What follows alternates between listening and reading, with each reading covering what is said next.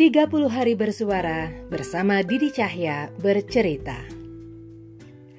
Halo ayang-ayang Didi, ketemu lagi dengan Didi Cahya bercerita dalam 30 hari bersuara bersama thepodcasters.id di hari keempat dengan tema rencana. Betul gak sih? Rencana ya? Seperti yang aku duga, kemarin itu kan waktu temanya tentang keputusan itu banyak yang mengutarakan keputusan terbesar yang kau ambil dalam hidup ya termasuk keputusan terbesar dalam hidupku juga aku ulas singkat walaupun nggak terlalu banyak aku lebih menekankan kepada apa pun keputusan orang hargailah karena itu keputusan dia kamu jangan intervensi, kamu jangan ikut-ikutan lah ya. Demikian juga dengan rencana. Nggak tahu nih, feelingku mengatakan apa yang menjadi rencanamu di 2020 dan gagal? Kayaknya itu akan menjadi uh, materi yang banyak dibahas ya. Mungkin, mungkin. Nggak tahu berapa persennya aku nggak ada bayangan. Tapi memang 2020 adalah tahun yang luar biasa. Angkanya cantik, tapi banyak nasib cantik berjatuhan. banyak rencana yang gagal, banyak rencana yang hanya tinggal wacana, yang membuat orang semakin frustasi dan bingung untuk melakukan rencana ke depan. Nggak usah jauh-jauh lah ayang-ayang Didi, aku juga bingung. Jadi uh, di akhir tahun 2019 sebenarnya aku ada rencana di 2020 uh, eh, untuk ada pekerjaan di Lombok Utara ada project gagal karena Maret April itu sudah mulai masuk awal pandemi dan sudah mulai sulit untuk bergerak. Aku takutnya udah terlanjur garap project di Lombok Utara, bisa nggak bisa pulang ke Surabaya karena ke lockdown gitu kan? Ya sudah batal. Terus ada juga rencana untuk jadi aku sebenarnya 2019 itu ketahuan ada satu gangguan kesehatan gitu yang harus aku atasi dan waktu itu masih bingung, jadi di awal tahun tuh aku masih bingung. Aku akan melakukan tindakan itu di Surabaya atau di Jogja. Pertimbangannya kalau di Jogja itu kan ada tanteku, ada sepupuku, ada keponakanku, perempuan semua. Jadi pasti akan ada yang merawat aku di Jogja. Lagi pula tanteku tuh perawat, jadi akan sedikit lebih mudah untuk akses-akses kesehatan di sana. Toh BPJS sudah online kan gitu. Jadi aku masih mikir, Surabaya, Jogja, Surabaya, Jogja, Surabaya, Jogja. Mikir belum kelar, pandeminya udah datang. Kekunci lah di Surabaya. Terus kemarin juga uh, sempat kan pasien membludak di rumah sakit dan akhirnya rumah sakit penuh. Tapi ada fase di mana rumah sakit itu mulai sepi. Aku bilang ke kakakku, wah ini seru nih kalau misalnya langsung ngambil tindakan sekarang mumpung rumah sakit sepi nih orang antriannya nggak terlalu panjang. Karena aku harus di di ambil tindakan tuh di rumah sakit tipe A. Tipe A tuh kan kayak Karamjangan ya RSUD Dr. Stomo atau RSAL kayak gitu. Kalau yang di B nggak bisa. Oh, udah semangat nih gitu. Nggak taunya kakak iparku harus ditangani lebih dulu. Aku bilang sama dia waktu itu mbak ya udah deh uh, gantian. Sekarang sampean ngurusi sakitnya sampean dulu nanti kalau udah kelar gantian ya gantian merawat maksudnya. Sekarang kakakku uh, ipar yang melakukan tindakan habis itu baru aku. Eh ternyata kakak iparku meninggal. Jadi loh terus ya apa iki aku gitu kan. Dan akhirnya covid naik lagi nih. Masa di hari keempat Desember ini sudah mencapai 8.500 ledakan lonjakan pasien COVID hari ini. Ngeri kan? Jadi waduh ini rencana yang nggak kejadian lagi di 2020. Bisa dibilang semua rencana di 2020 itu tidak berjalan. Karena ketidakpastian kondisi dan banyak hal yang memang ya batal gitu ya ya selesai ya kalaupun diteruskan nggak mendapatkan apa-apa justru hal yang tidak direncanakan malah terjadi di 2020 rencana pisah dipercepat. Oke. Okay. bener loh itu itu nggak masuk rencana lah. Itu nggak masuk rencana tiba-tiba kejadian aja gitu terjadi ledakan-ledakan tanpa percikan jadi ya langsung duar. Oke 2020 final. Nah tapi bukan itu yang akan aku bahas panjang kali lebar sama dengan luas di hari ini dengan tema rencana aku lebih kepada begini. Bagaimana sikap kamu? Gimana uh, apa ya ayang-ayang Didi itu harus bagaimana saat rencana itu gagal? Jujur uh, di awal pandemi itu saat terjadi masalah aku tuh sempat yang waduh jangan-jangan sakit lagi. Ternyata enggak alhamdulillah gitu ya. Kenapa? Karena ada satu kesiapan nah itu dia. Itu yang aku akan bahas dalam tema rencana di hari keempat ini. Uh, apa sih yang harus kita lakukan saat rencana kita itu gagal? Nah yang nomor satu nomor satu itu adalah siapkan mental. Pasti udah ini siapkan mental.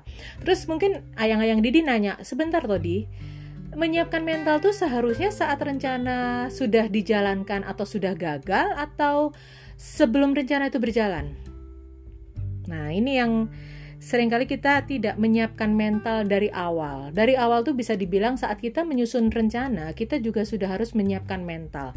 Dan jangan dibilang menyiapkan mental itu akan menarik kita kegagalan karena asumsinya adalah siap mental itu adalah siap mental kalau gagal. Hei, salah. Bukan begitu maksudnya. Siap mental itu juga harus dilakukan untuk siap berhasil Paham nggak? Jadi begini, banyak orang bikin rencana yang apalagi kalau rencananya itu rumit, eksekusinya sulit, dan tiba-tiba dia berhasil. Kalau orang itu mentalnya tidak siap, maka dia akan terlena, dia akan sombong, dia akan lupa membuat rencana-rencana berikutnya. Ya nggak sih? Iyalah. Jadi saat kita menyusun rencana, kita harus menyiapkan mental. Mental seperti apa yang harus disiapkan? Ya kita harus menyiapkan mental netral dulu. Dan ya ya paling paling bagus sih kita menyiapkan mental berhasil ya. Jadi kita afirmasi diri kita, kita bayangkan diri kita kita berhasil melakukan segala sesuatu. Cuman kalau ternyata itu tetap gagal, orang yang tidak siap sudah terlanjur menyiapkan afirmasi keberhasilan, dia bisa down karena terlalu tinggi harapan, rencananya gagal, terus dia tambah down. Nah, jadi menurutku, kalau memang kita harus menyiapkan mental saat kita menyusun dan mengeksekusi rencana, siapkan mental kita untuk melakukan dan mendapatkan yang terbaik. Kalau yang terbaik itu adalah ke keberhasilan, alhamdulillah. Ya sudah, memang itu jatahnya atau jalannya kita mendapatkan keberhasilan itu karena kita sudah menyusun rencana dengan matang dan menjalankannya dengan baik. Bahkan sering kali saat kita menjalankan rencana itu ada hal-hal tidak terduga yang semakin mendukung kita. Ya nggak sih? Hmm, ya kan? Tapi tidak menutup kemungkinan sering kali ada di saat kita sudah menyusun rencana dengan matang, Tiba-tiba ada gangguan-gangguan yang membuat rencana kita itu tercapai dengan susah payah atau bahkan gagal. Apa pun itu nanti rencana kalian akan berjalan, bagaimanapun nanti eksekusinya itu berlanjut, siapkan mental dulu. Jadi kalau berhasil, mentalnya sudah siap. Kalaupun gagal, mentalnya juga sudah siap. Itu yang jarang dilakukan. Orang hanya membuat rencana, Orang hanya memikirkan eksekusinya, tapi jarang memikirkan apa yang terjadi saat proses itu sudah selesai. Bagaimana dengan hasilnya? Apa outputnya? Orang jarang mempersiapkan mental untuk menerima apa pun hasil dari rencana itu. Hmm, paham ya? Oke, jadi itu pertama kalau kita e, rencana kita gagal, apa yang harus kita lakukan? Siapkan mental. Lalu akhirnya kita kita bicara tentang rencana yang gagal ya. Kita bicarakan rencana yang gagal. Biasanya nggak tahu sih kalau orang lain ya. Kalau aku dulu dan orang-orang yang orang-orang di sekitarku yang sering aku lihat kalau bikin rencana dari rencana kecil sampai besar itu gagal, panik langsung uh, cari cara yang lain. Saya aku sih cuman gini. Lah kenapa juga lu nggak bikin plan A, plan B, plan C, plan D, ya kan? Kalau gagal di A lu ke B, gagal di B lu ke C, gagal di C lah, ya lu ke D gitu kan. Tapi ternyata enggak. Jadi saat rencana itu gagal, panik, dan akhirnya membuat rencana baru dengan tergesa-gesa yang membuat semua itu akhirnya malah gagal total. Malah tujuan kita sama sekali nggak tercapai.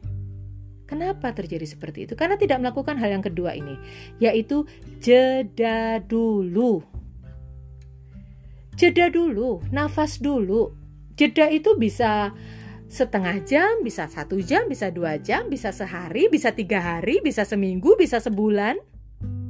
Berapapun waktu yang kamu butuhkan, jeda dulu. Jeda itu bukan berhenti permanen loh. Tapi jeda itu bener-bener yang kamu berhenti mandek cekrek, gak mikir apa-apa sih. Bener-bener gak mikir yang bener-bener jeda. Kita kasih space dalam diri kita. Kita kasih ruang dulu dalam diri kita untuk diam, jeda, tidak memikirkan apa-apa. Ya nggak bisa gitu dong di, ini kan kondisinya darurat. Ya beda, kalau kondisinya darurat memang akan ada orang-orang tertentu yang dilahirkan untuk uh, selalu menghadapi kondisi darurat. Jadi dia terbiasa tanpa jeda hidupnya. Tapi nggak tahu, semoga orang-orang kayak gini umurnya panjang. Ya karena karena akan selalu ada loncatan-loncatan dalam pikirannya dan degup jantungnya.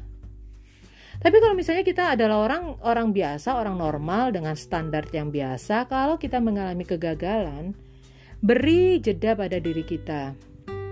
Diam dulu, mikir mikir mikirnya nanti. Diam dulu. Nah, apa yang kita lakukan saat jeda? Apa yang kita lakukan saat kita terdiam? Rasakan.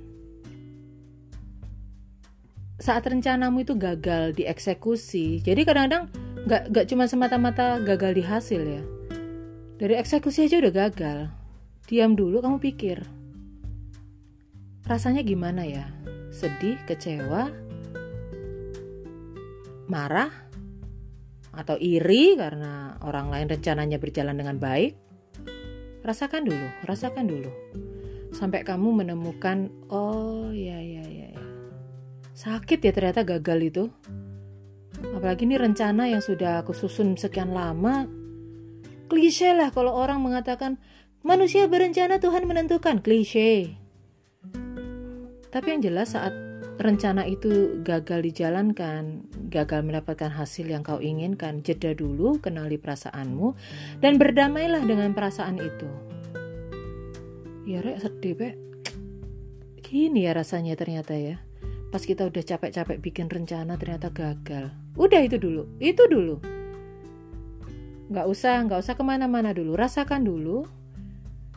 Beri waktu pada dirimu untuk bersedih beri waktu pada dirimu untuk mengenali dan merasakan emosi negatif tapi tidak berlarut-larut nah Seringkali orang menanggapi kegagalan itu dengan pikiran positif. Ya, harus itu sebenarnya kalau memang orang udah canggih untuk perkara emosi. Kenapa begitu? Banyak orang menghantam emosi negatif dengan pikiran positif. Sehingga yang terjadi adalah dia terus berpikir positif, dia lupa kalau ada emosi negatif dalam dirinya tidak diatasi, tidak ditangani, dan akhirnya itu akan berlarut-larut dan menumpuk. Saat itu menumpuk, suatu hari, suatu ketika itu akan meledak dan akhirnya akan melahirkan gelombang emosi negatif yang tidak akan kamu perkirakan. Kenapa? Karena itu tidak diatasi dari awal. Diantem terus sama pikiran positif. Sampai akhirnya kamu merasa berpikir positif, tapi kamu lupa emosimu itu negatif. Nah, kenapa kita beri jeda? Kita kenali dulu emosi kita, baru kita pulihkan. Masalah nanti memulihkannya dengan pikiran-pikiran positif, terserah. Caranya terserah kamu, terserah ayang-ayang Didi. Sampai akhirnya emosi negatif akibat kegagalan atau uh, rencana yang tidak berlangsung dengan baik itu bisa dinetralkan perasaannya. Nah, itu loh maksudku. Kenapa saat kita mengalami kegagalan dalam mengeksekusi atau menerima hasil rencana kita, kita harus jeda dulu, kenali dulu emosi negatif kita, kita atasi sampai akhirnya kita benar-benar siap untuk berpikir dan beremosi positif lagi. Dan itu harus cepat sih sebenarnya. Tapi kalau kalian fokus, bener-bener relax, fokus, merasakan apa yang kalian rasakan, ketemu emosi negatifnya terus diatasi, itu tidak akan memakan waktu lama. Jadi, saat kamu rencanamu tidak berjalan dengan baik, kasih jeda pada dirimu sendiri terlebih dahulu. Oke? Nah, kalau sudah udah positif nih emosinya, udah positif pikirannya, lakukan review apa yang menyebabkan kegagalan rencana kalian tapi gak usah kakean, gak usah dibahas, gak usah dicari kesalahannya siapa. Di review aja, cari aja penyebabnya. Oh iya yo, kemarin tuh gagal karena ini. Udah. Kenapa? Kalian harus fokus pada solusi. Kalian harus fokus pada rencana baru bukannya fokus sama iyo lang wingi ku lo aku digondel ya mbak wong iku sampai esok melaku makanya rencanaku gagal. Ya sudah gitu aja terus sampai gue sih bilang ya nggak deh. Cukup jadi materi chat gue di WhatsApp aja. Jangan lakukan itu. Jadi cukup cari penyebab kegagalan rencanamu, review sedikit, baru cari solusi kebanyakan dari kita adalah saat kita gagal, kita mencari kambing hitam. Dan yang jadi kambing hitam tuh bisa orang lain, bisa pihak lain, sampai katakanlah bemo mandek kayak sok salah. Ngapain juga? Sudah. Nggak usah dicari, nggak usah dicari-cari apa yang menyebabkan. Maksudku dicari, tapi tidak usah dicari-cari. Gitu lah maksudku gitu apa penyebab kegagalan kemarin sehingga rencanamu itu tidak berjalan dengan baik? Cari penyebabnya tapi jangan dicari-cari. Dicari-cari itu udah sebenarnya udah ketemu penyebabnya tapi dikulik lagi. Habis energimu. Habis. Daripada kayak gitu mending sudah. Oh iya ya. Oh oke okay, oke okay, oke okay, oke. Berarti nggak jalan deh cara ini. Oke besok deh tak coba yang ini. Oke kita bikin rencana baru ya Oke, aku bikin rencana baru. Oke, seperti ini. Selesai. Jadi, di review singkat aja deh. Kegagalan dalam eksekusi rencana kemarin, nggak usah panjang-panjang. Nggak usah dicari kesalahan orang lain, pihak lain. Kasian tuh, nanti kucing nggak salah aja bisa disalahin, gitu kan. Nah, jadi setelah jeda perasaannya positif, emosinya positif, kita review sebentar penyebab kegagalan dalam menjalankan rencana kemarin itu apa. Sudah, selesai, kita buat rencana baru. Buat rencana baru, jangan berhenti. Ya, berhenti itu cukup di masa jeda aja selesai, bikin rencana baru saat positif thinking dan positif emotion itu sudah memenuhi ruang jiwa kita. Karena saat kita masih beremosi negatif, rencana kita pun emosional. Seperti ada balas dendam supaya bisa melawan rencana yang gagal kemarin capek lah boleh lah kadang-kadang kegagalan kemarahan kekecewaan keirian keapaan itu jadi pemacu semangatmu itu boleh, tapi jangan kebanyakan karena itu sifatnya kayak bensin kena api, apinya kebesaran kamu mati gitu loh. Kalau secukupnya nggak apa-apa, secukupnya nggak apa-apa. Tapi saat secukupnya itu tidak cukup buat kamu, kamu tidak akan bisa mengendalikan itu semua. Akhirnya lupa bikin rencana baru, isinya malah marah-marah, malah menyalahkan masa lalu orang lain adalah hapret. Males kan? setelah buat rencana baru berdasarkan apa yang terjadi kemarin, apa kegagalan kemarin, bikin rencana baru dan ulangi lagi ke depan, siapkan mental lagi.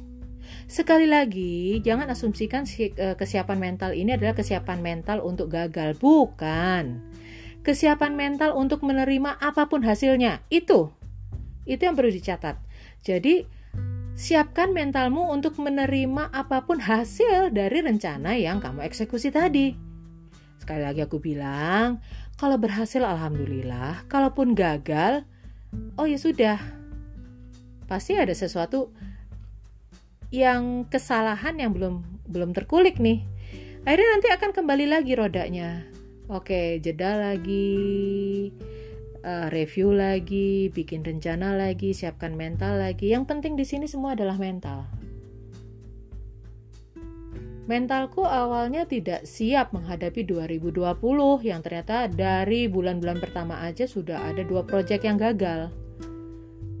Walaupun akhirnya aku merasakan di akhir 2020 ini aku benar-benar berada di titik terbawah, nggak punya tabungan, nggak punya penghasilan, uh, apa namanya, nggak tahu harus bayar tagihan gimana. Udah udah benar-benar titik terbawahku karena kegagalan eksekusi rencana-rencanaku.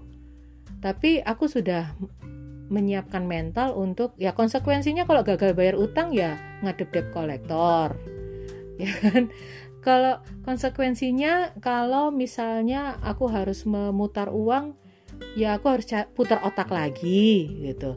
Tapi itu tidak akan keluar hasil kalau aku tetap marah. Ya di tahun ini kan aku ada fase kemarahan ya. Fase karena aku ditinggal begitu saja ketidakjelasan hubungan, tidak dinafkahi, itu sebenarnya bisa menjadikan alasanku kenapa rencana-rencanaku gagal. Tapi aku tidak menjadikan itu alasan. Karena uh, kegagalan ini ya karena diriku sendiri yang nggak siap mental. Nah, makanya aku ini dalam fase jeda. Jadi aku tidak memaksakan diriku kalau aku memang lagi sehat, aku bisa bekerja, aku bekerja. Kalau ternyata aku lagi ngedrop, ya aku tidak akan menyalahkan diriku yang sedang tidak bisa bekerja hari itu. Jadi sebenarnya aku sedang se membuat podcast ini juga sedang me mereview dan menyemangati diriku sendiri dan aku ingin bagikan ini kepada ayang-ayang Didi siapa pun yang mendengarkan podcast ini. Jadi oke. Okay. Aku aku sekarang juga tidak terlalu sering menyebut atau mengucapkan manusia berencana Tuhan menentukan kesannya kalau rencana kita gagal tuh kok kita nyalahin Tuhan ya ya nggak sih Ya sudahlah, kan manusia berencana, Tuhan menentukan. Iya benar. Gusti Allah itu adalah penentu segala segala macamnya. Tapi kalimat itu membuat kita mengambing hitamkan kegagalan ini karena ya sudah itu benar, itu benar. Qadarullah itu benar. Tapi kalau itu ditancapkan terus dalam pikiran kita, akhirnya kalau kita gagal, ya sudahlah, orang itu untuk Tuhan yang menentukan. Ya sudahlah, itu kehendaknya Gusti Allah. Ya sudahlah. Padahal mungkin kegagalan itu bukan kehendak Gusti Allah. Tapi kegagalan itu ada pada diri kita yang tidak terdeteksi. So, berhentilah mengucapkan, berhentilah mengucapkan manusia berencana Tuhan menentukan. Benar, Tuhan adalah penentu tertinggi dalam kehidupan kita, itu benar. Tapi kalau kalimat ini diucapkan terus-menerus, lama-lama kita nyalahkan Tuhan. Wis yo, ojo sampai jadi sudah sampai di hari ke-4 bulan Desember, apa pun kegagalan rencanamu, buat rencana baru lagi dengan perasaan dan emosi yang negatif, lakukan sesuatu. Semoga 2021 itu menjadi satu hal yang lebih baik lagi. Kita bisa bangkit dari keterpurukan 2020 ini. Gitu ya yang yang Didi ya. Ya wes, ini sudah mau ganti hari. Setelah aku gak nutut hari keempat ini kena penalti. wes tak edite tak posting saiki terima kasih untuk ayang-ayang Didi yang selalu menyemangatiku dengan menambah angka pendengar ayo sebarkan juga linku karena tapi ini yo ayo tanamkan dalam pikiran anda Didi Cahya bukan motivator Didi Cahya adalah provokator supaya kalian ayang-ayang Didi bisa menjadi motivator untuk diri sendiri. Oke, okay? bye-bye.